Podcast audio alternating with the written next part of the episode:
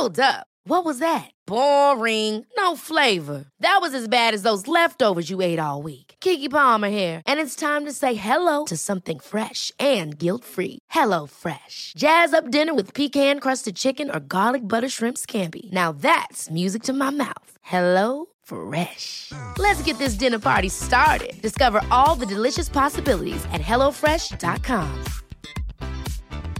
Hey, it's Ryan Reynolds, and I'm here with Keith, co star of my upcoming film, If, only in theaters, May 17th. Do you want to tell people the big news? All right, I'll do it. Sign up now and you'll get unlimited for $15 a month and six months of Paramount Plus Essential Plan on us. Mintmobile.com slash switch. Upfront payment of $45 equivalent to $15 per month. Unlimited over 40 gigabytes per month. Face lower speeds. Videos at 480p. Active Mint customers by 531.24 get six months of Paramount Plus Essential Plan. Auto renews after six months. Offer ends May 31st, 2024. Separate Paramount Plus registration required. Terms and conditions apply if rated PG.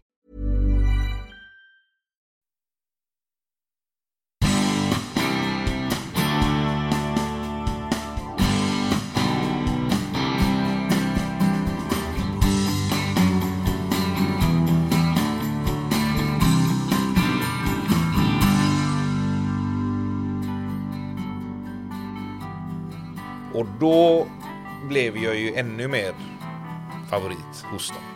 För nu helt plötsligt så vi gjorde fel, men han gav oss en andra chans. Är det rätt? Är det fel? Jag vet inte. Jag, jag, än idag så sitter jag och, och tänker, är det rätt eller är det fel? Men jag har träffat på ungdomar som idag inte är med oss. Som är, eh, som är jättegoda killar. Som är jättefina killar. Men man hamnar snett. Och ehm, hade jag haft ett, haft ett svar på varför så hade jag sagt det. Men så är världen.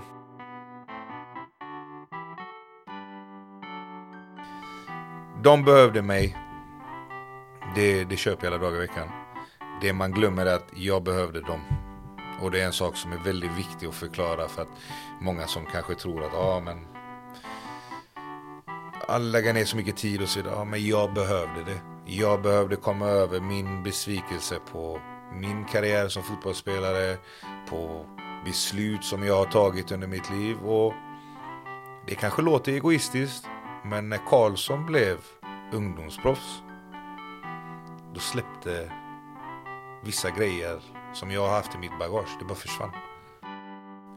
Adam Regianes fotbollskarriär slutade i förtid med en efterhängsen korsbandsskada. Något han verkligen sörjde över när han tog steget in till Utmarksskolan i Kortedala, där han själv en gång gått. Vad han inte visste var att det beslutet var det bästa som kunde hända ett gäng struliga barn och ungdomar. Fotbollen blev räddningen och förde dem hela vägen till seger i både Gothia Cup och Number One Cup i Fredrikshamn under några galna juliveckor. Men allra viktigast, det gjorde dem till vinnare i livet. Det här är storyn om Adam Reggiani och hans liv. Om du vill lyssna på den sportsliga storyn så kan du kolla in podden When We Were Kings i avsnitten om Götaholms BK.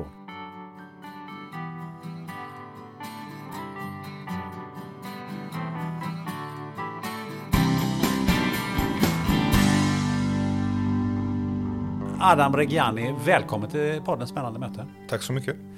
Eh, du, vi har ju haft ett förmöte för det här eh, avsnittet. Det stämmer. Vad, vad, vad tänkte du när jag kontaktade dig första gången? Um, först så kopplade jag inte riktigt vad det var. Eh, och sen så är det väl... Jag tycker inte jag har gjort någonting speciellt. Så att för mig så är det mm, lite så varför. eh, kanske. Ja, för det, det, det, är, ju, det är ju lite, för mig eh, så, eh, dels är det ju speciellt det du har gjort, men, men också det är ganska ovanligt att det är någon säger, ja men vi vill ta en, jag vill ta en kaffe eh, först och, och sitta och snacka en stund. Ja, Jag tyckte det var trevligt, men Ja, eh, jag jag, jag bara tänkte liksom, hur, hur tänkte du eh, att, varför ville du liksom göra Nej men jag ville, steget? jag ville veta eh, varför. Eh, och jag ville eh, veta vad, vad du var ute efter. Och vad, vad man vill ha, ha reda på. Eh, det är väl det. Mm.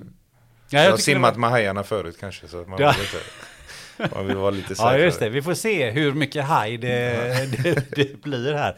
Du, äh, fotboll Mm. är ju en central punkt för dig, Den- kan man väl lugnt säga. Den enda punkten. Det är den enda punkten.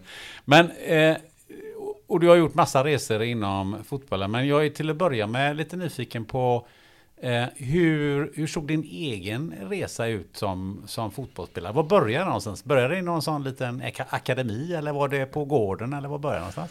Ehm, fotbollen började på gården. Ehm, min pappa är gammal landslagstränare i judo. Eh, och jag höll på med judo i mer av att inte göra honom besviken. Ehm, jag spelade basket, men det var fotboll som var, ehm, det var det jag ville liksom. Kommer ihåg jag gjorde egna turneringar hemma i sovrummet och i eh, stora rummet och morsan var vansinnig. Det gick krukar och, eller krukor och ja, hela allt som man inte får lov att göra hemma. Um, och sen uh, ville jag spela fotboll. Men det var liksom inte, min pappa kommer från idrottens värld och han, han är väldigt noggrann med att det ska vara ordentligt och ska man göra det ordentligt så ska man göra det ordentligt. Och det fanns det var Kortröla IF där jag växte upp och de var duktiga. Men eh, där fick jag inte börja. Och då var jag skitbesviken på. Och till slut så fick jag möjligheten att börja spela i IFK Göteborg. Men varför fick du inte börja i Kortedala? Därför min pappa tyckte det var oseriöst. Han tyckte det var um, föräldratränare, han tyckte att eh, min pappa är väldigt speciell när det kommer till idrott. Och eftersom han har varit på elitnivå i sin sport så är det det hela tiden han eftersträvar. Och han har alltid sagt att man ska inte slänga bort sin tid utan gör man det så gör det det ordentligt. Eh, Och det var inte ordentligt enligt honom i Kortrall IF. Och nu jag, 37 år gammal, förstår exakt vad han menade. Eh, Vad menade han? Nej men att där hade det inte blivit seriöst. Och han visste att det var det jag ville att det skulle vara. Ehm, så att han var... Han ledde mig till Blåvitt. Eller han ledde mig till Blåvitt. Blåvitt var inte heller tillräckligt bra egentligen för honom. Så det jag trodde det var Och någonting. vad skulle det vara då? Nej, jag vet inte, men det var väl att jag skulle hålla på med judo kanske. Han försökte alla trycka att jag skulle fortsätta med det. Eh, Min bror var väldigt duktig i judo, han var med i landslaget och så här, så att det var ju lite eh, hans, inte dröm ska jag säga, men han ville att jag skulle hålla på med judo, det märkte jag. Han var väldigt besviken den dagen jag sa på väg till en träning att nej, jag tycker inte det där är jättekul. Eh, utan att visa det givetvis, för han är ingen sån, eh, han var ingen militär på det sättet. Men eh, så var det, jag kommer ihåg jag tränade och de här IFK-tränarna som jag hade då, de sa, men han har ju inte spelat fotboll, jag började sent, jag var, skulle fylla 12, jag var 11 år och skulle fylla 12. Eh, han har ju inte spelat fotboll innan och du vet, det är ganska hög nivå. Och farsan sa att, men låt han prova i alla fall. Eh, så provade vi och så spelade vi en, en kupp som hette Kviding Cup på den tiden, på Kviberg. Eh, och då hade jag liksom inte börjat i laget. Jag var ganska nervös för jag tyckte att det var svårt och det var helt annorlunda än att spela på gården. För där, var det, där tävlade vi om tunnlar och vem som gjorde mest mål och, och så vidare. Men här var det ju på riktigt. Men eh, vi spelade Kviding Cup och eh, jag spelade mittback. Och eh, jag gjorde en jävla massa mål i den kuppen kommer jag ihåg. Och den, Som mittback? Ja, men det var ju sju man också. Så att det var ju det var ganska enkelt. Och då var det ju mer som gården, du sprang, sprang runt och du utmanade och dribblade. Ja, positionsspel fanns ju inte. Det måste ju sett ganska roligt ut eh, när de försökte få ner mig till den positionen. Så jag, men jag var ganska tydlig med att jag skulle vara anfallare också. Eh, men jag gjorde massa mål på den här gruppspelsfasen eh, på lördagen. Sen så kom det här fantastiska Göteborgsvädret, det började regna redan på lördagen och sen på söndagen så blev det inställt. Vi kunde inte fortsätta spela för planerna var så resten av turneringen blev inställd. Eh, och jag kommer ihåg jag frågade tränaren. Ehm, jag hade kläderna med mig hem. Så jag ringde till tränaren och sa kan jag komma på nästa träning? För jag, i mitt huvud så var det liksom det var slut avslutsgrejen och sen skulle jag få ett svar och skulle få stanna. Och eh, då sa han ja det är klart du ska komma liksom. Ja okej, så kom jag ner och så kom jag ställde frågan till tränaren. Får jag börja, alltså, kommer jag få börja här på riktigt? Och då sa han ja, jag kommer ihåg att det var, jag var svinglad. Sprang runt i de IFK Reebok kläderna hemma, orange tröja. Ja, jätte, jätteglad. Eh, så det var där det började. Det var där, eh, jag var redan fast för fotboll. Men nu var jag fast för fotboll på riktigt. Liksom. Så det var där. Vad, om du tänker så här eh, bakåt i, i tiden, du har redan sagt att farsan hade rätt. Vad betydde farsan för dig i de åldrarna? Ehm, jättemycket. Jättemycket. Han, ehm, han är uppväxt som eh, uh, ensamt barn. Kom till Sverige med de första italienarna som kom för SKF. Sen så flyttade han tillbaka till Italien. Så han är uppväxt på ett jävligt tufft sätt. Uh, hade ett tufft, uh, en extremt tuff pappa. Um, och han försökte alltid göra, jag tror allt det som han inte själv fick, tror jag. Så han, han var ju grym på det sättet. Och um, sen så var han, han jobbade mycket och landslagstränare i judo, han reste mycket, han var borta mycket. Och mamma var ju den som, man, ja. Mamma var hemma, eh, hon jobbade givetvis men hon var ju hemma. När han åkte så var det mamma som tog hand om, om eh, mig och min bror. Men eh, men han hade ju nått ganska långt egentligen om han har varit landslagstränare i judo. Det är ju ganska det har häftigt. Det har han. Men han är grym. Alltså sett till det, alltså inom judo så är han ju eh, väldigt, väldigt respekterad. Och jag tror att han eh, har betytt extremt mycket för mig för att han alltid funnits där när det har blivit svårt. Han har aldrig varit en, vi har pratat och, och så här, men när det blev svårt så visste jag att han kommer alltid vara i min, i min rygg. Och under min uppväxt så var det eh, mycket saker som hände. Eh, och han fanns alltid där. Han var sträng, men eh, han var grym. Men hur var den uppväxten? Om du nu kom med Blåvitt som, som 12-åring Mm. och sen bodde du i Kortedala. Mm.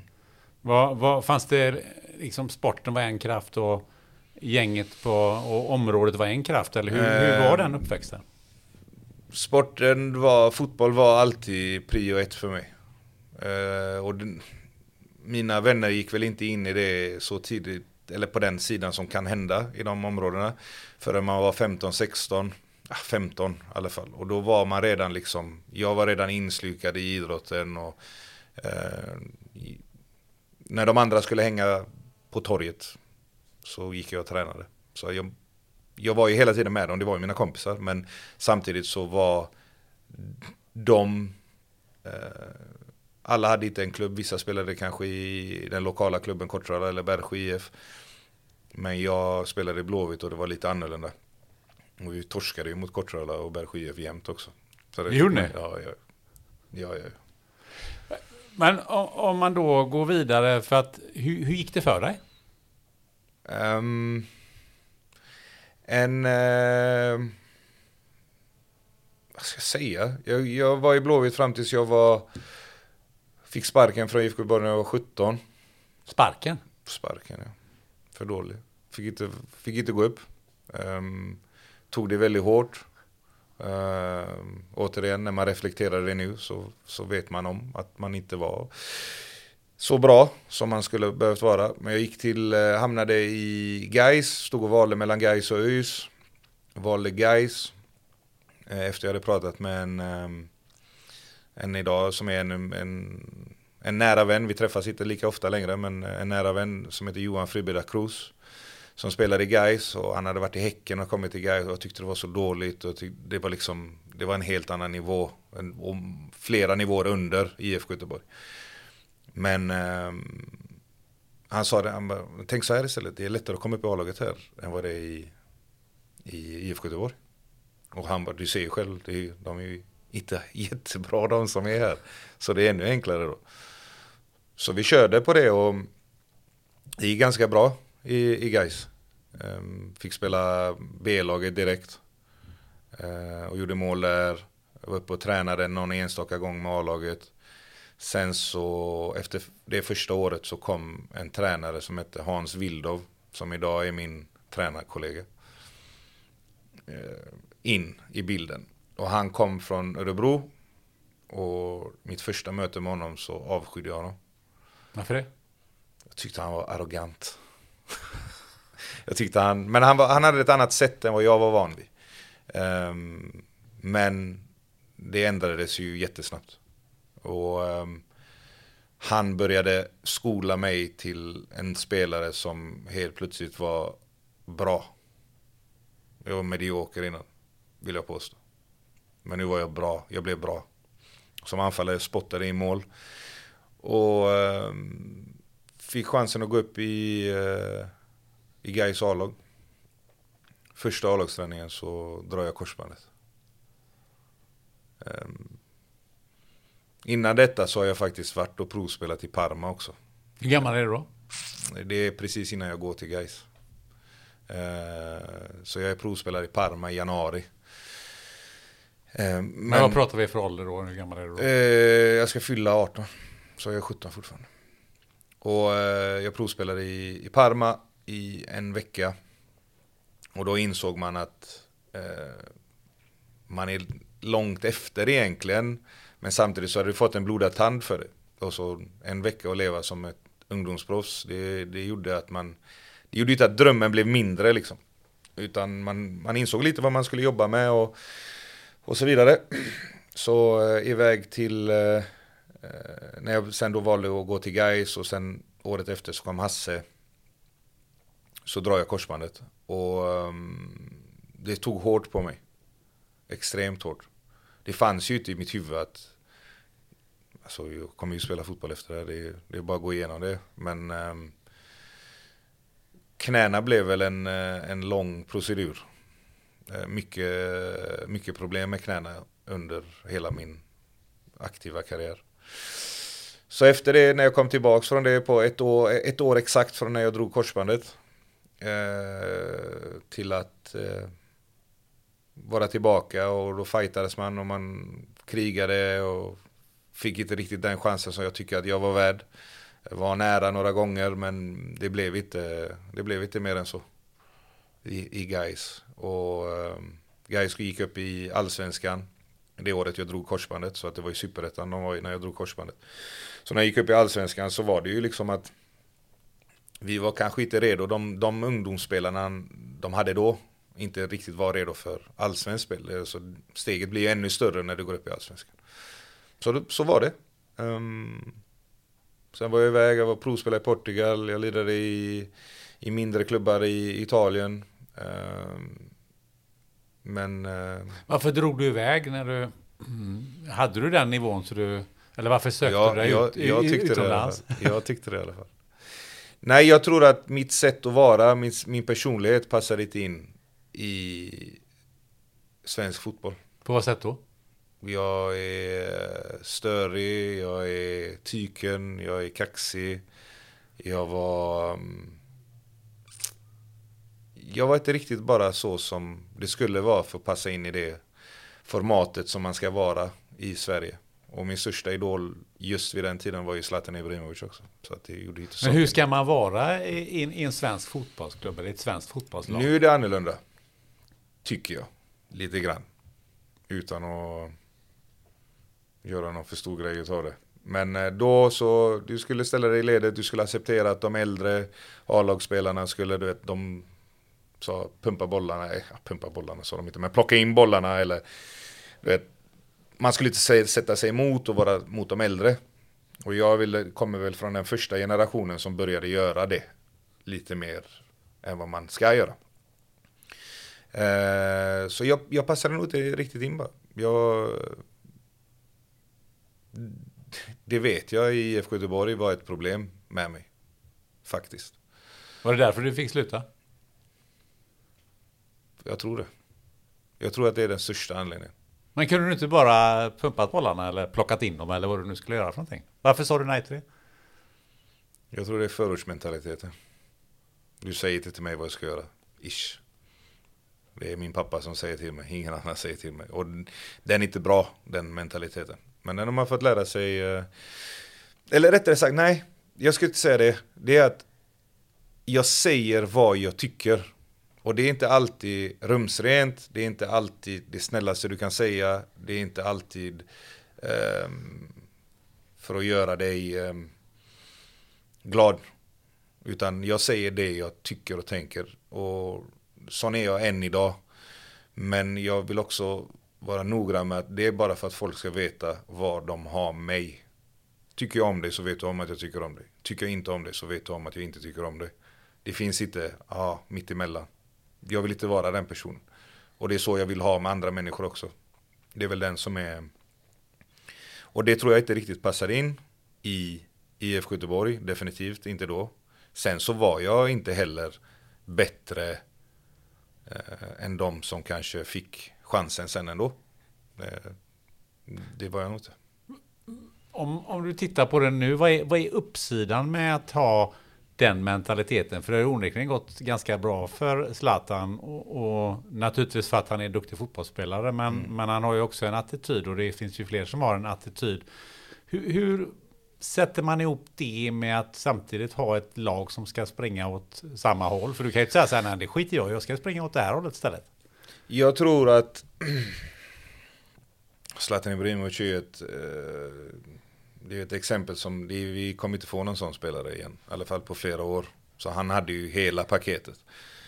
Men ehm, jag tror att utomlands så handlar idrott om ett annat sätt. Alltså du kan vara på ett annat sätt. Du har en annan mentalitet. Man kan ha det i Sverige med. Jag, som sagt, jag har ju inte, jag har inte spelat i allsvenskan. Så jag vet inte hur mentaliteten är i ett allsvenskt omklädningsrum. Men det jag kan tycka är att det är lite för mycket gulligull. Eh, vad jag har sett då. Och att eh, man inte kan hantera den starka personligheten. För det är det som jag tycker är den, den stora skillnaden på Zlatan Ibrahimovic kontra många andra spelare är att han har inte bara, han är inte bara en gudabenådad fotbollsspelare utan han har en han, han är en stark personlighet. Och det är den starka personligheten som gjorde att han blev den han blev. För det, det, är ingen som kan, och det är också därför många inte gillar honom. Man tycker han är arrogant, man tycker han är, ja men, beter sig illa, säger vad han tycker och så vidare. Men han säger saker som inte det är kanske inte det vi är vana, vi svenskar är vana att höra. Men det är kanske det vi svenskar behöver höra. Varför behöver vi höra det? Varför, varför är det inte bra med, med gulligull? Vad är, det för, vad är det för uppsida med att inte vara sån? För livet är inte gulligull. Livet funkar inte. Det är, du, du behöver göra saker, du behöver slita, du behöver kämpa för att lyckas med saker i livet. Det kommer inte gratis. Du är du dålig så behöver du höra att du är dålig. Du behöver höra det med en, en bra kritik, att du förklarar varför. Vad är du dålig på? Eh, men du ska också höra att du är det. För att du lär ju inte, du lär ju inte någon någonting om du bara gulligullar hela tiden. Alltså, ja men du gör en dålig match och oh, kommer hem och så säger pappa, oh, nej men du, ja, men jag tyckte du var bra i alla fall. Ja, men vad fan spelar det för roll? Om du tyckte jag var bra, det, det, alltså, förstår du vad jag menar? Det, det jag är ute efter är att man ska vara ärlighet. Och sen kärlek, man, man ska ge kärlek hela tiden. Men man ska också vara ärlig. Man, man hör uh, ungdomar som säger, ja ah, men jag får inga jobb. Ja, men vad har du gjort för att du ska få jobb? Ja men, eh, uh, vi kan börja med, hur pratar du? Du säger bror varannan mening. Hur ska du få ett jobb? Ska du gå in till en chef och säga, hallå bror? Det funkar inte så. Utan du måste lära dig Eh, du måste lära dig att prata. Okej, okay, vad har du för utbildning?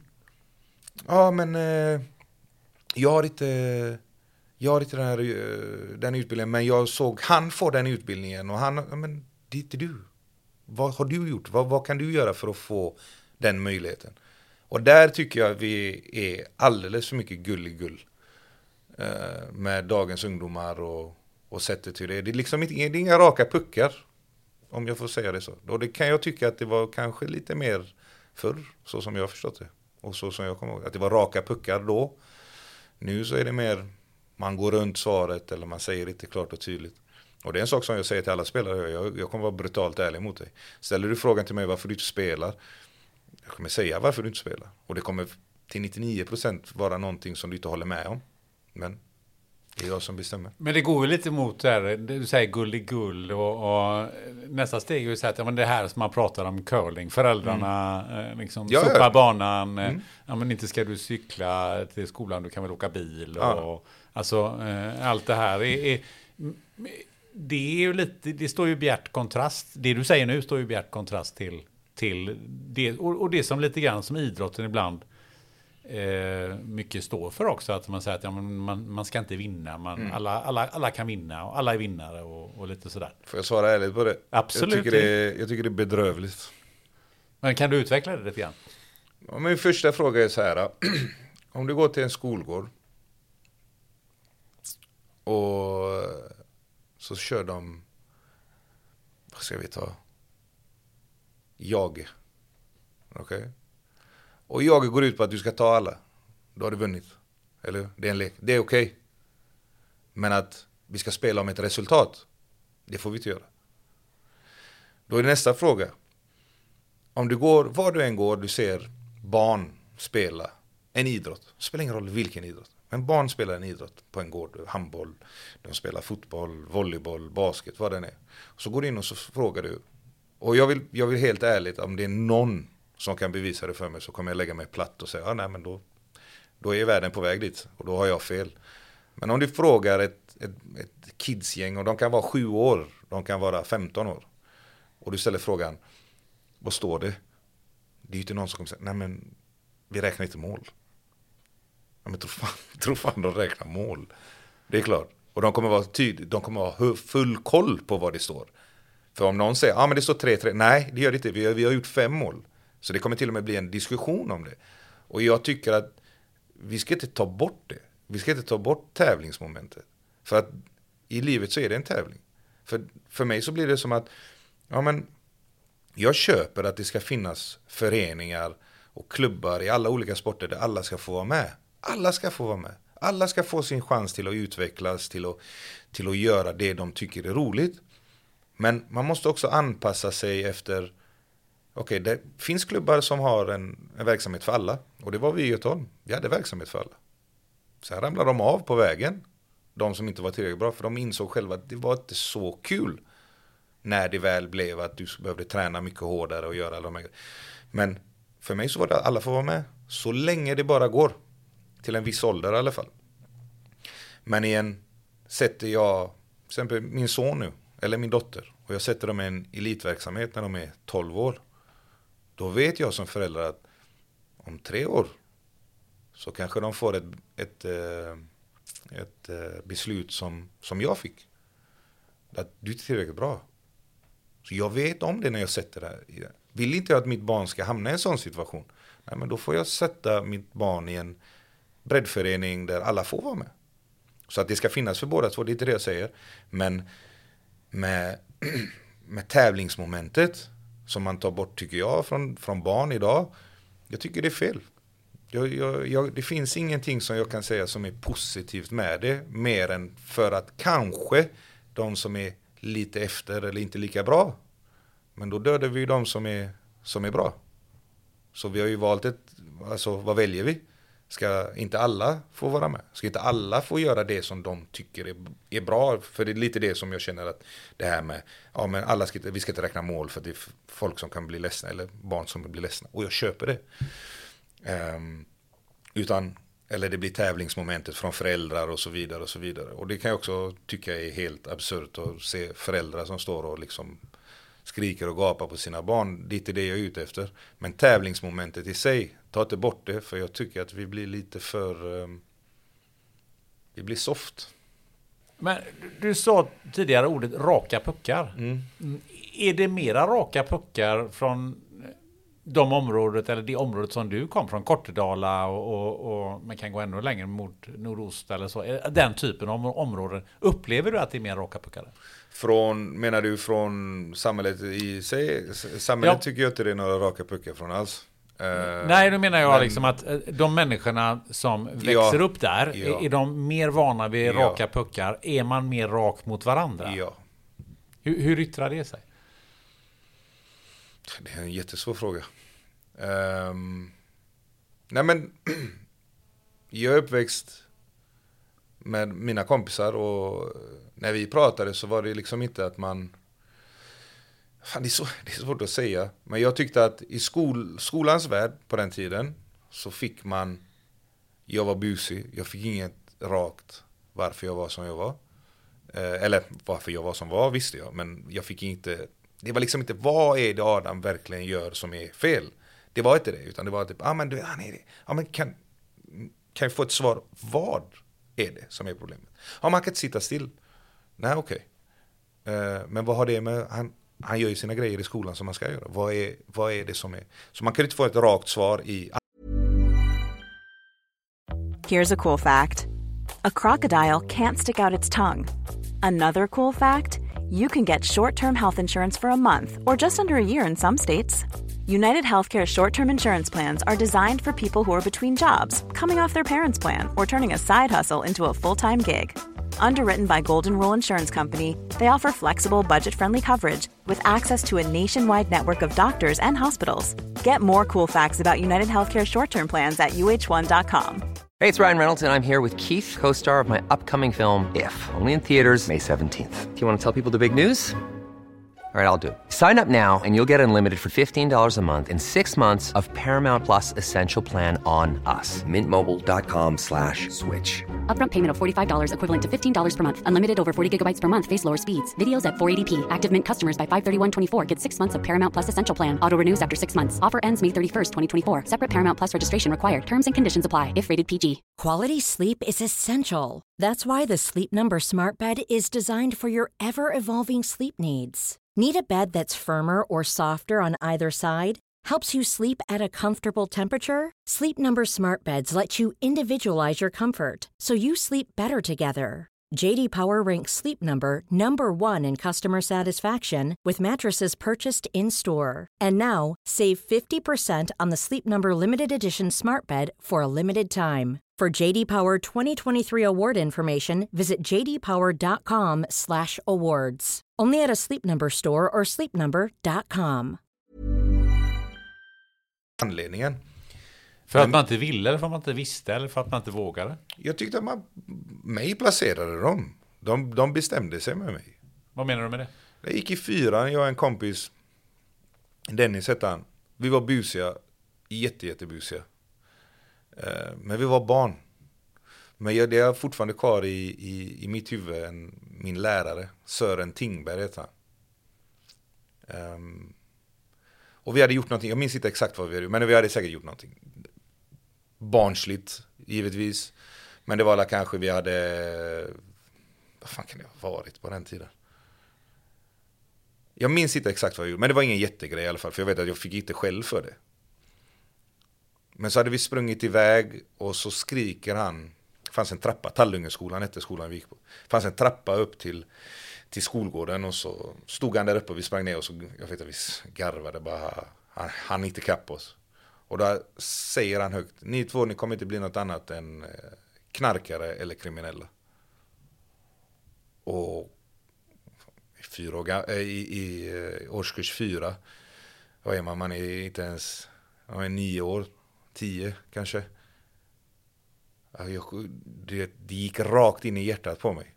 Jag kommer ihåg att jag kom hem och så sa jag till min mamma. Han sa så här och morsan blev skogstokig och ringde skolan och det var möte. Och...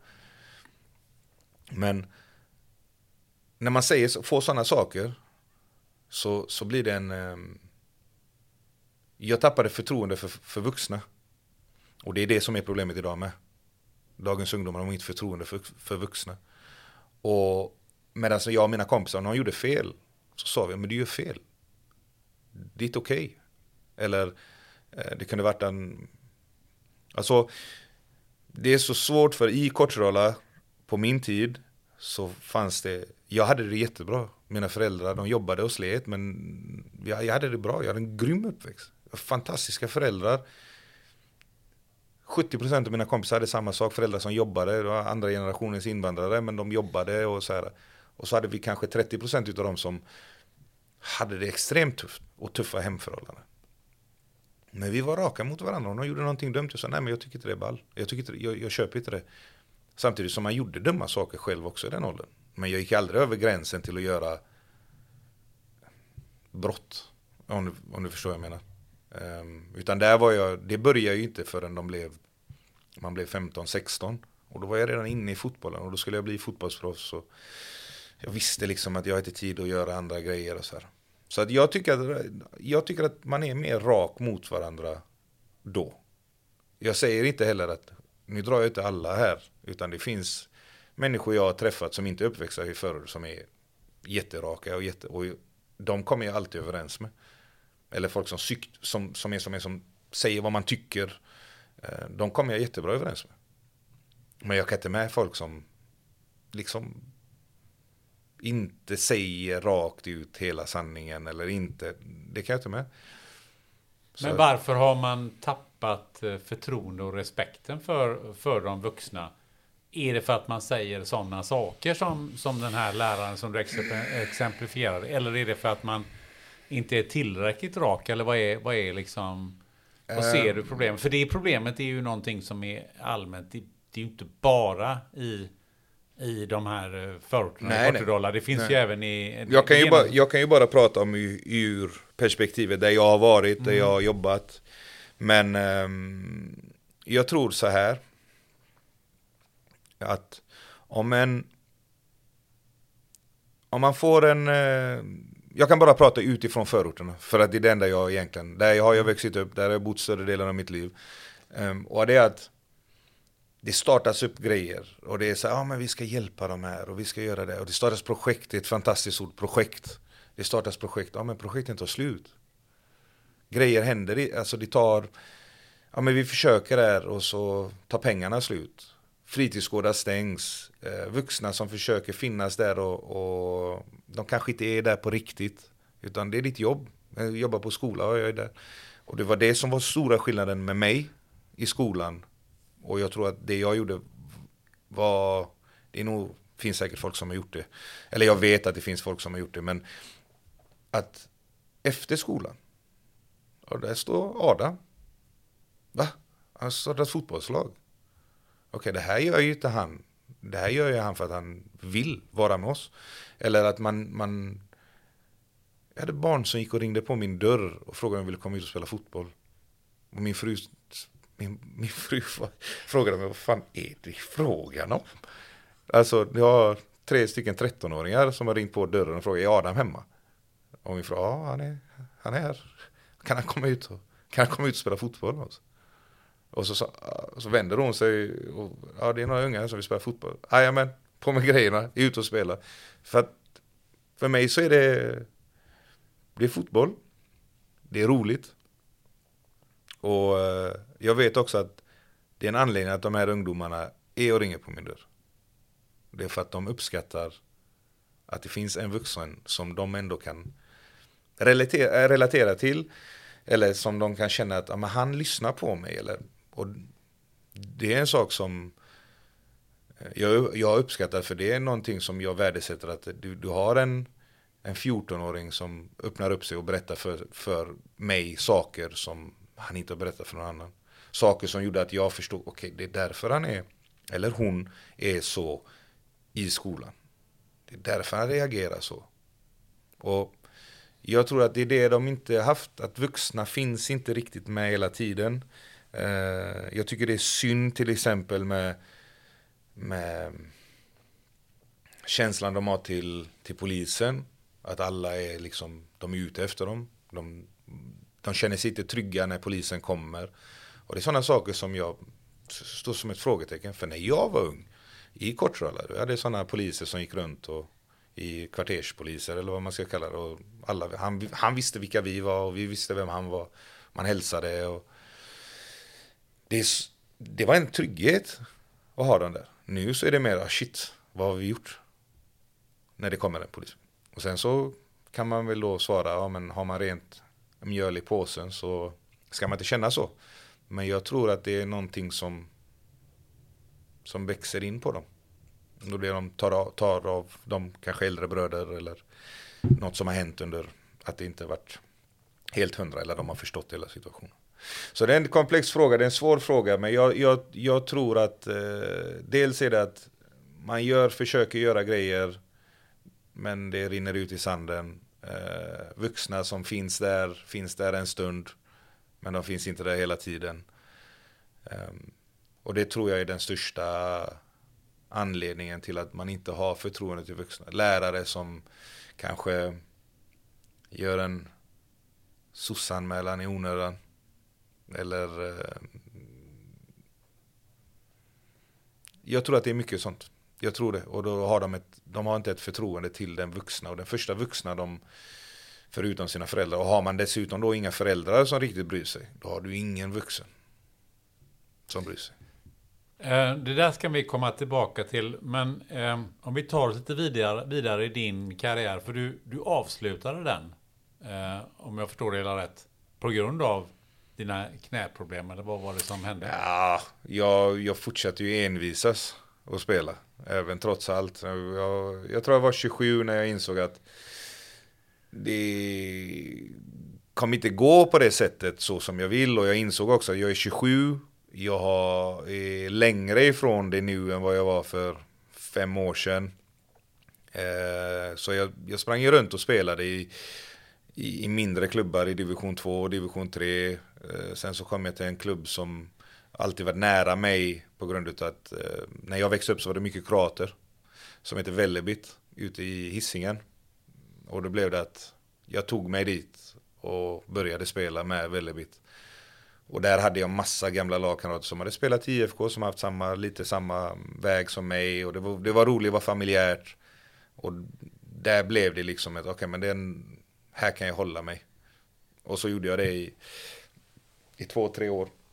Och sen så var det liksom, äh, det är roligare att coacha de här killarna än att gå och springa själv just nu. Så jag hade det med mig liksom från när jag startade. Eh, jag la ju upp våra träningar så att det skulle krocka med mina träningar och sen så sa väl eh, frugan hemma att men du kan inte vara borta sex dagar i veckan Adam. Gratis. Eh, och det köpte jag väl. Och då fick jag ta ett beslut och då valde jag hellre ungdomarna än att jag själv skulle spela, spela fotboll. Ja, för innan du kom in på de här uh, ungdomarna så tog du ju ett uh, beslut av att, uh, att börja jobba i samma skola som du mm. hade gått i tidigare själv. Vad, vad kommer det sig att du började jobba där? Um, Utmarksskolan, jag vet inte hur, hur det är nu, för jag jobbar inte kvar där längre, men de var kända för att ha gamla elever som kom tillbaks och jobbade som elevassistenter. Det var en sån grej. Eh, eh, min bror jobbade till exempel som elevassistent när jag gick i högstadiet där. Eh, och andra kompisar, barndomskompisar till min bror som jag kände eller från området.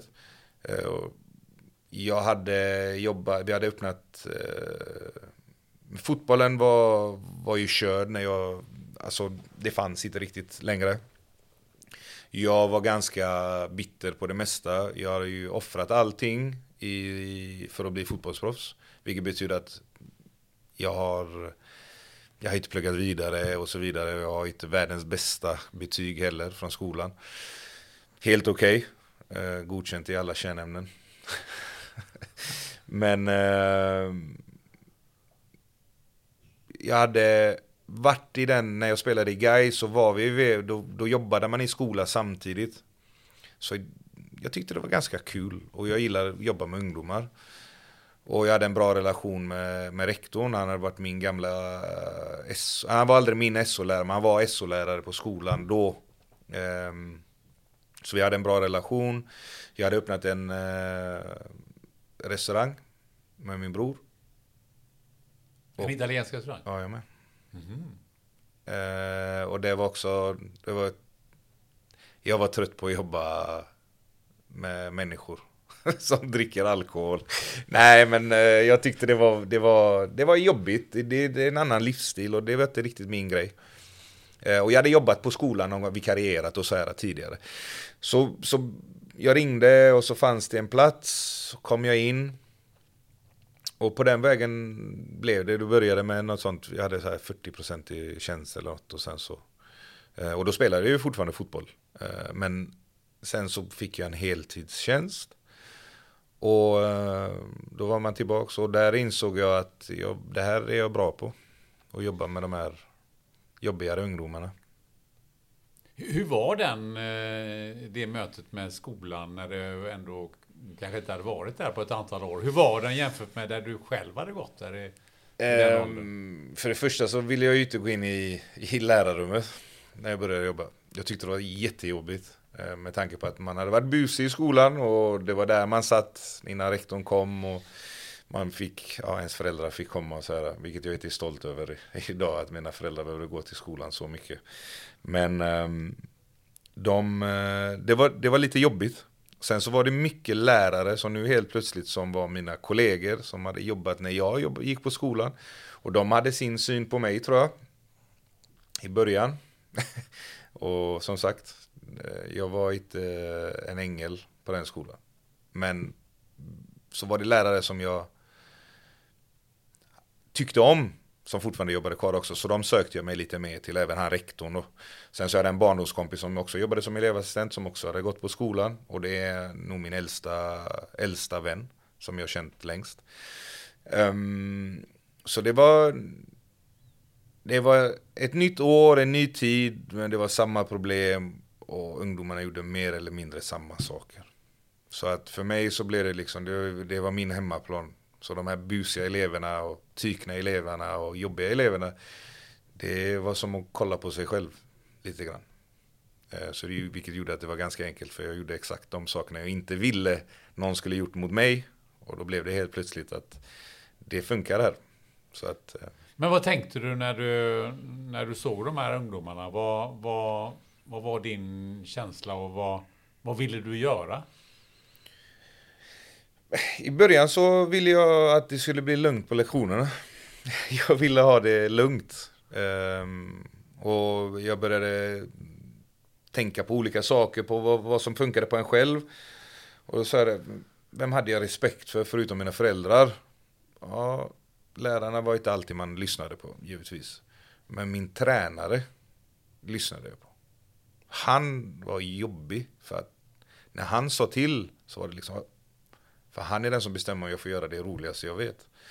Samtidigt så var det fullt med ungdomar som gillade att spela fotboll.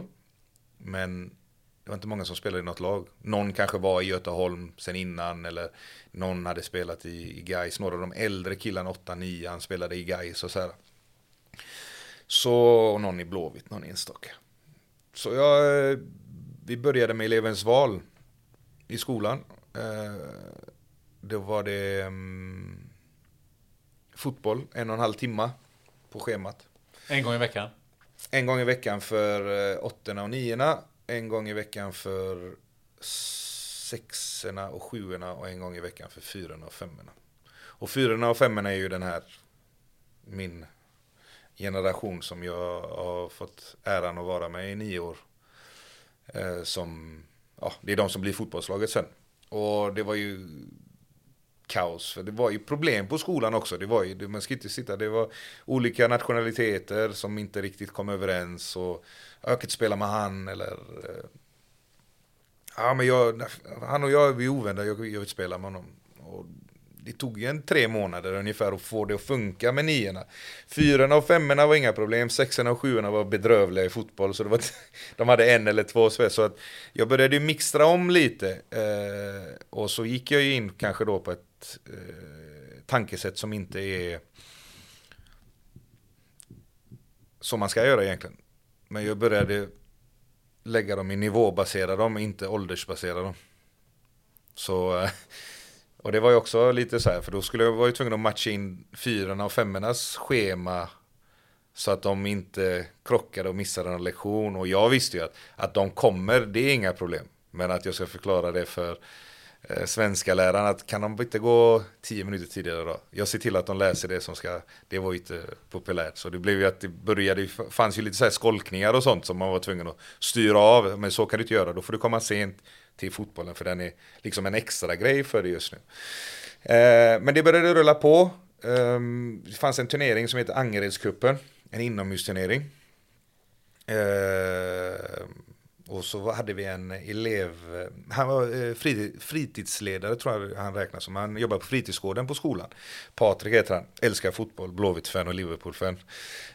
Um, hur grym som helst. rolig kille. Och han har styrt här, den här kuppen liksom alla år. Och så jag får lite nys och så börjar jag prata. Och jag vill inte liksom gå in på hans mark och ta det ifrån honom. Men jag tänkte, fan kan vi inte göra det ihop? Och nu har vi fortfarande inte startat Göteholm ännu. Nej, nej, vi har inte startat i Göteborg men. Så, så jag pratade med Patrik, ja fan, och så han, hade han ju liksom prov, prov, eller uttagning för skollaget inne i hallen en onsdag eftermiddag. Så kom jag dit och så kollade jag och så, och så var det några av dem bra, men det var ju åttan och nian man spelade. Eh, och det var ju några som var duktiga. Så. Men jag bara Patrik, fan, jag har några, några killar som jag skulle vilja ta med alltså. Vadå? Jag menar? De bästa är här liksom. Det är från skolan. Sexan till nian, du vet alla. Jag bara, ah, fast har du kollat ner i fyran och femman?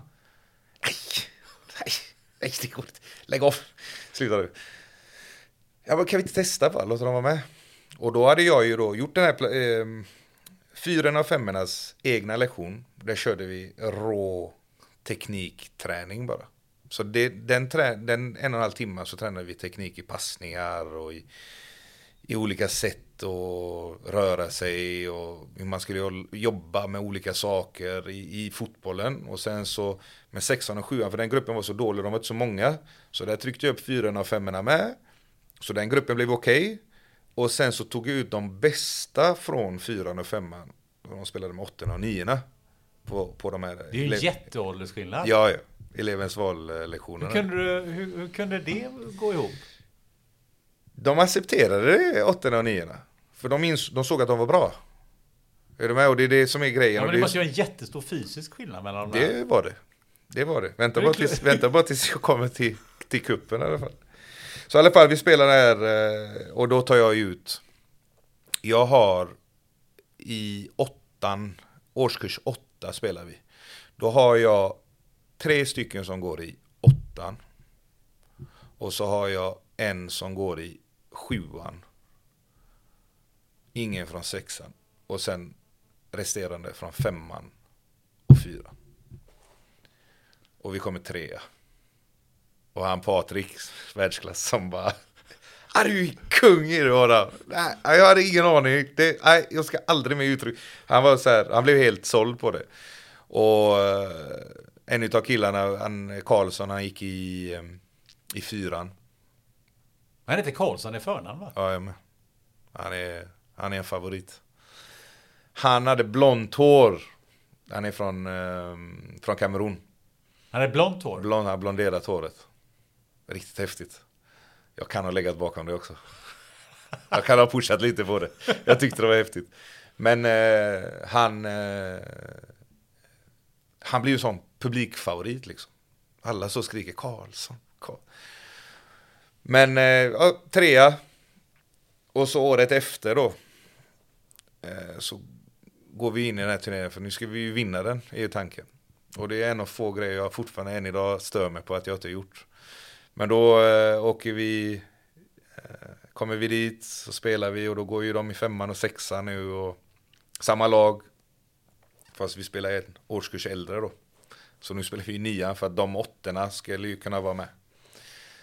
Och eh, vi åker ut snöpligt på straffläggning i semifinalen. Men då möter vi eh, Änglagårdsskolan i kvartsfinalen eller någonting. Och vi vinner ju den matchen. Är det Blåvitts eh, Ja men, det är, det, ja, men det är deras skola, Änglagårdsskolan. Jag vet inte vad, det är Blåvitt som har den, men den är en privatskola tror jag. Jag har lite dålig koll, men det är den som ligger vid Kviver i alla fall. Och alla Blåvitt-spelare går ju där. Och det var ju våra killar. Och vi hade fått från Elisabeth Andersson som jobbar med CSR i IFK Göteborg.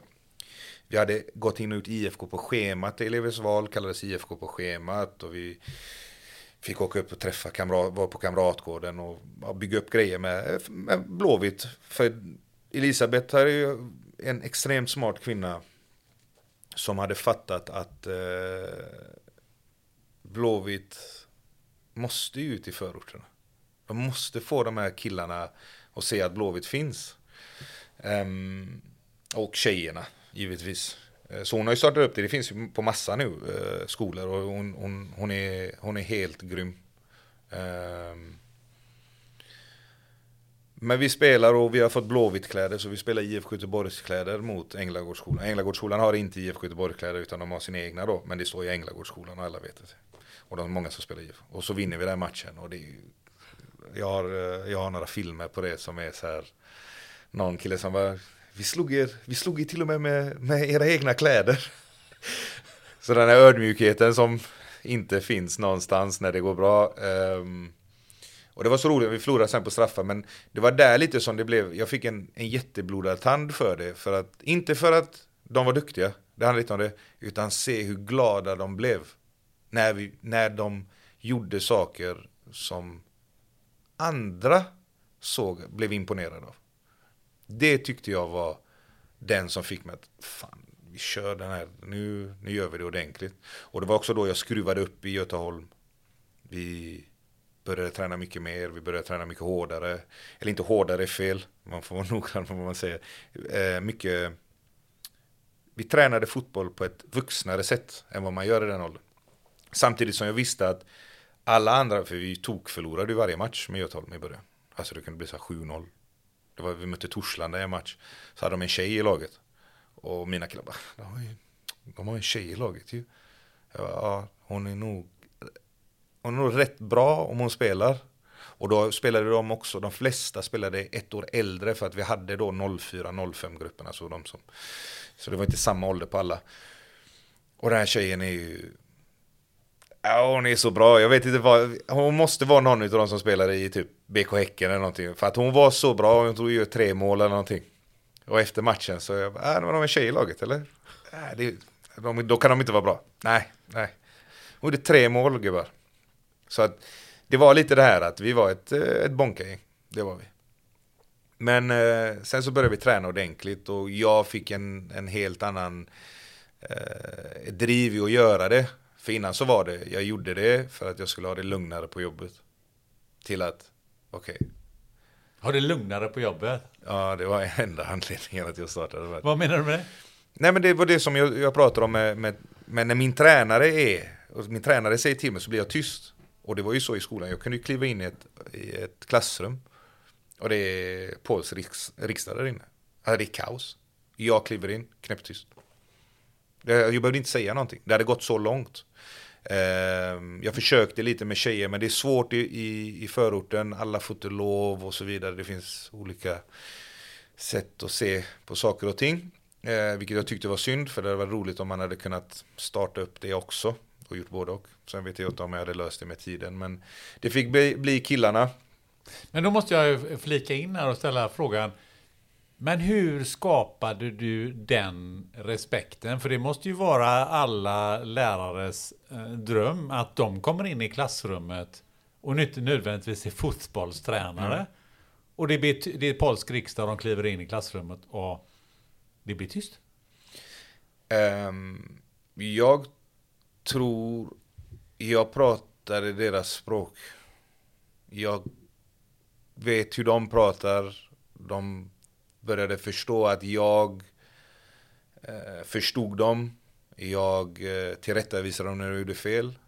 Men sen så var jag inte arg på dem. Utan sen var det, ja, ja. nu fortsätter vi spela, om vi spelar kort och någon sa X valt ord som man inte ska säga till någon. Då kan jag bara stoppa allting och förklara, du, kan inte, du pratar inte så. Vill du hänga med mig? Då, vi pratar inte så. Ah, Okej, okay. ah, förlåt. Och så började vi spela. Ja, det var inte så jobbigt. Vi hade, de, jag tror de såg att jag gjorde saker för dem. Det var som jag köpte glass till alla när vi spelade fotboll. Om ni, om ni löser utan att det blir bråk, alla får varsin Piggelin liksom. Oh, gick jag och köpte det, de hade fått en Piggelin av en, eh, av, en, av en lärare bara för att de ska vara tysta förut. Eller att de ska sköta sig i fotbollen. Och sen så blev det att vi, jag ställde avtal, eh, eller vi gjorde ett avtal, det var ju inte värt någonting, men de trodde att det, men då skrev vi ett kontrakt för att du skulle spela fotboll med mig, så var du tvungen att ha godkänt i svenska, matte, engelska, det är prio. Eh, givetvis kan man få godkänt i alla, men de här tre är prio. Och det är liksom det som, det rullade på utav det. Um, jag hade ett jättebråk, kommer jag ihåg, när de slutade nian med, med några lärare. För vi, hade, vi skulle möta ÖIS.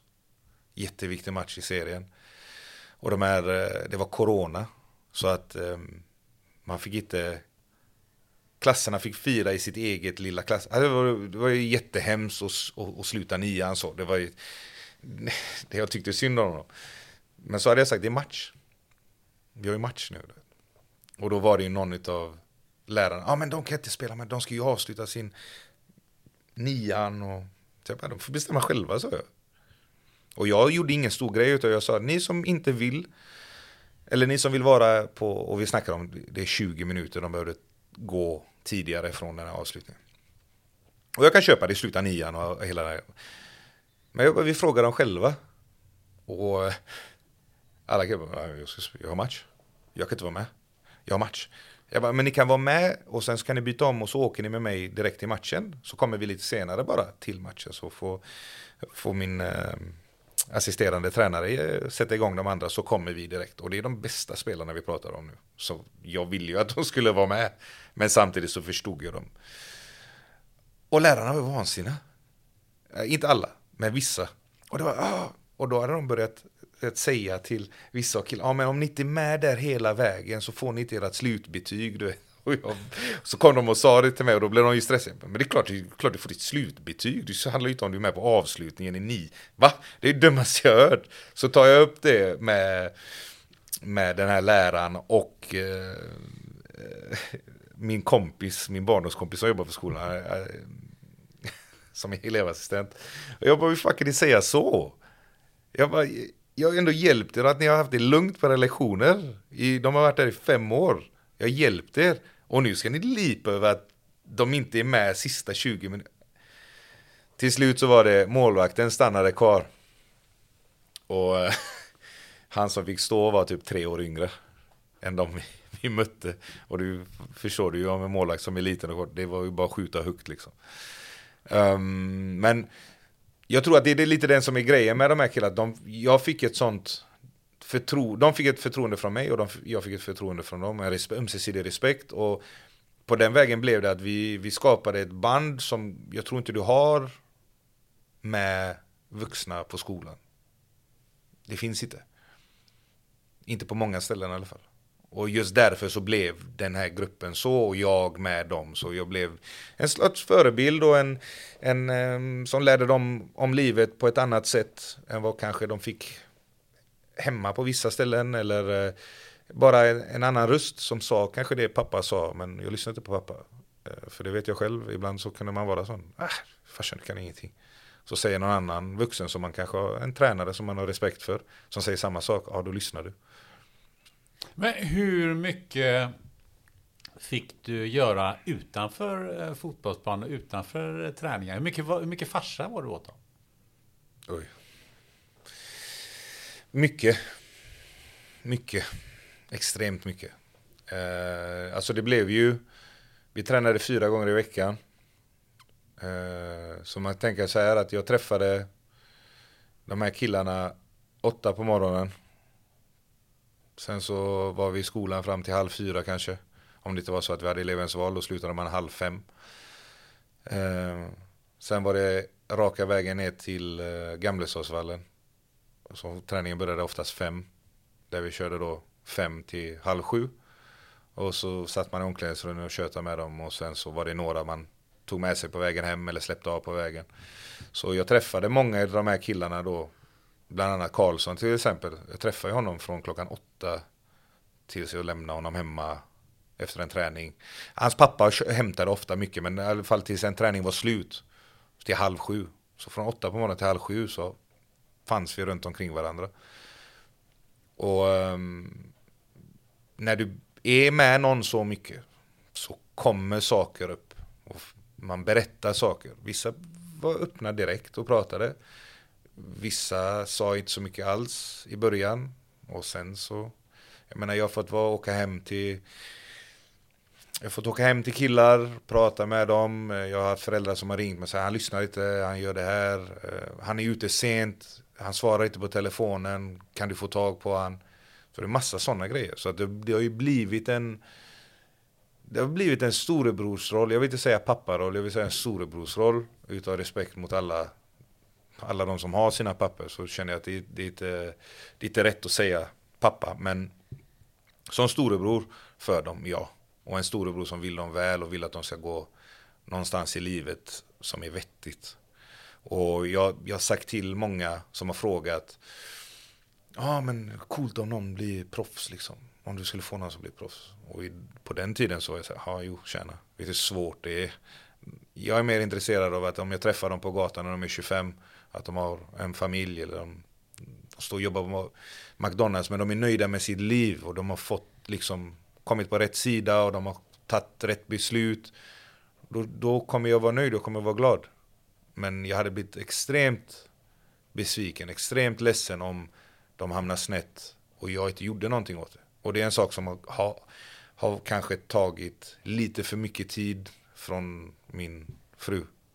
Kan vi väl säga. Väldigt mycket tid från min fru. Men hon har stött ut? Ja, det har hon gjort. Hon är grym. Hon är världsklass. Hon är världsklass. Hon har fått stå ut. Det har hon. Även om jag inte brukar ge henne det. Har du gett henne här, det här? Ja, du får lyssna på podden. Jag får säga det. Um, det som jag funderar på är ju när du, när du hamnar i den i de här situationerna att grabbarna öppnar sig, de säger saker, de berättar grejer. Hur, hur hanterar man det som, som vuxen och, och, kan man hantera alla de här grejerna? För det, var, det, det måste vara väldigt många saker som kommer upp. Alltså hur, hur gör man? Um, det är ju den biten som är väldigt svår. Uh, hur man ska hantera det och hur man ska göra saker och ting. Um, jag... Det, det, är lite som Erik Niva säger i podden. Att, Just det, vi kanske ska flika in här ja. att, eh, att eh, det är ju faktiskt så att eh, Erik Niva och hans kollega som driver en podd som heter When We Were Kings, ja. en fotbollspodd. Och de har ju två avsnitt som just handlar om Götaholm som du har varit inne mm. på. Och eh, det blir en del saker i det här avsnittet som vi, som vi refererar till och som ja, jag också exakt. har lyssnat på de avsnitten. Och ni som vill lyssna på mer om, eh, om det sportsliga och det finns en, en lång story där som vi inte hinner med i, i det här avsnittet så, så rekommenderar jag starkt att, att lyssna på, på de avsnitten för där får ni också en, en story. Så mm. tillbaka till din ja, referens. Nej, nej men det är som, alltså det finns liksom inte svart eller vitt Alltså det finns inte, vissa grejer får du med de här killarna. Olika saker som är, eh, du, du har en, eh, egentligen så ska man ju, vissa grejer kanske skulle man ha polisanmält som de har gjort. Vissa grejer kanske jag skulle behövt ta med deras föräldrar. Eh, vissa grejer kanske jag hade behövt ta med skolan. Eh, men det blev att man fick lära sig att vara street smart med dem. För jag visste att okej, okay, det finns en incident som vi kan ta upp och det är att de hade varit iväg på Freeport, i, eller vad heter det nu, Hede Outlet. Out är vad de är till och med. Klipp bort det, klipp bort det, nej klipp bort det. De var på en, de var på en outlet, så säger vi. Det finns andra bra Det får du klippa bort. Nej men de var på en outlet. Um, och de uh, har varit där, vi har träning. Och så ser de komma med, med nya kläder. Och det är eftersom jag gillar kläder och de... Det var en lärare som, som sa att det var en massa mini som springer runt här för att på den här tiden så fanns det Nike, eller det finns fortfarande, men jag använder inte längre, men Nike Tech Fleece heter det. Det var en overall från Nike, svindyr. Uh, jag tror det kostar så här 1 och, ett och sju får du byxorna och, och, och hoodien liksom. Och sen så kom de på rea och jag köpte ju alltid dem på rea. Och så jag gillat skor, eh, jag är en skofantast så att jag köper skor alldeles för mycket. Så de här killarna tyckte ju också det. Så de körde också Nike Tech och så, så hade de det, nya skor och, och så här. Inte att de hade de dyraste, men de, de, de såg mig lite som en role model sett till då hur jag klär mig. Och det var en lärare som sa det, men det är massa mini kolla här. De ser exakt, exakt likadan ut som dig. Kolla här. Där kommer han. Jag kommer rida springandes. Ja, Nike Tech Fleece. Ja, ja. Kolla på det. Alltså ni har ringt varandra innan idag eller? Så det var ju nästan som en sån att ja, de var ju... Jag var en förebild för dem som de såg upp till när de var små. Idag vet jag inte om de ser upp till mig, men, eh, men då gjorde de det. Eh, och för mig så var det viktigt att det skulle vara en...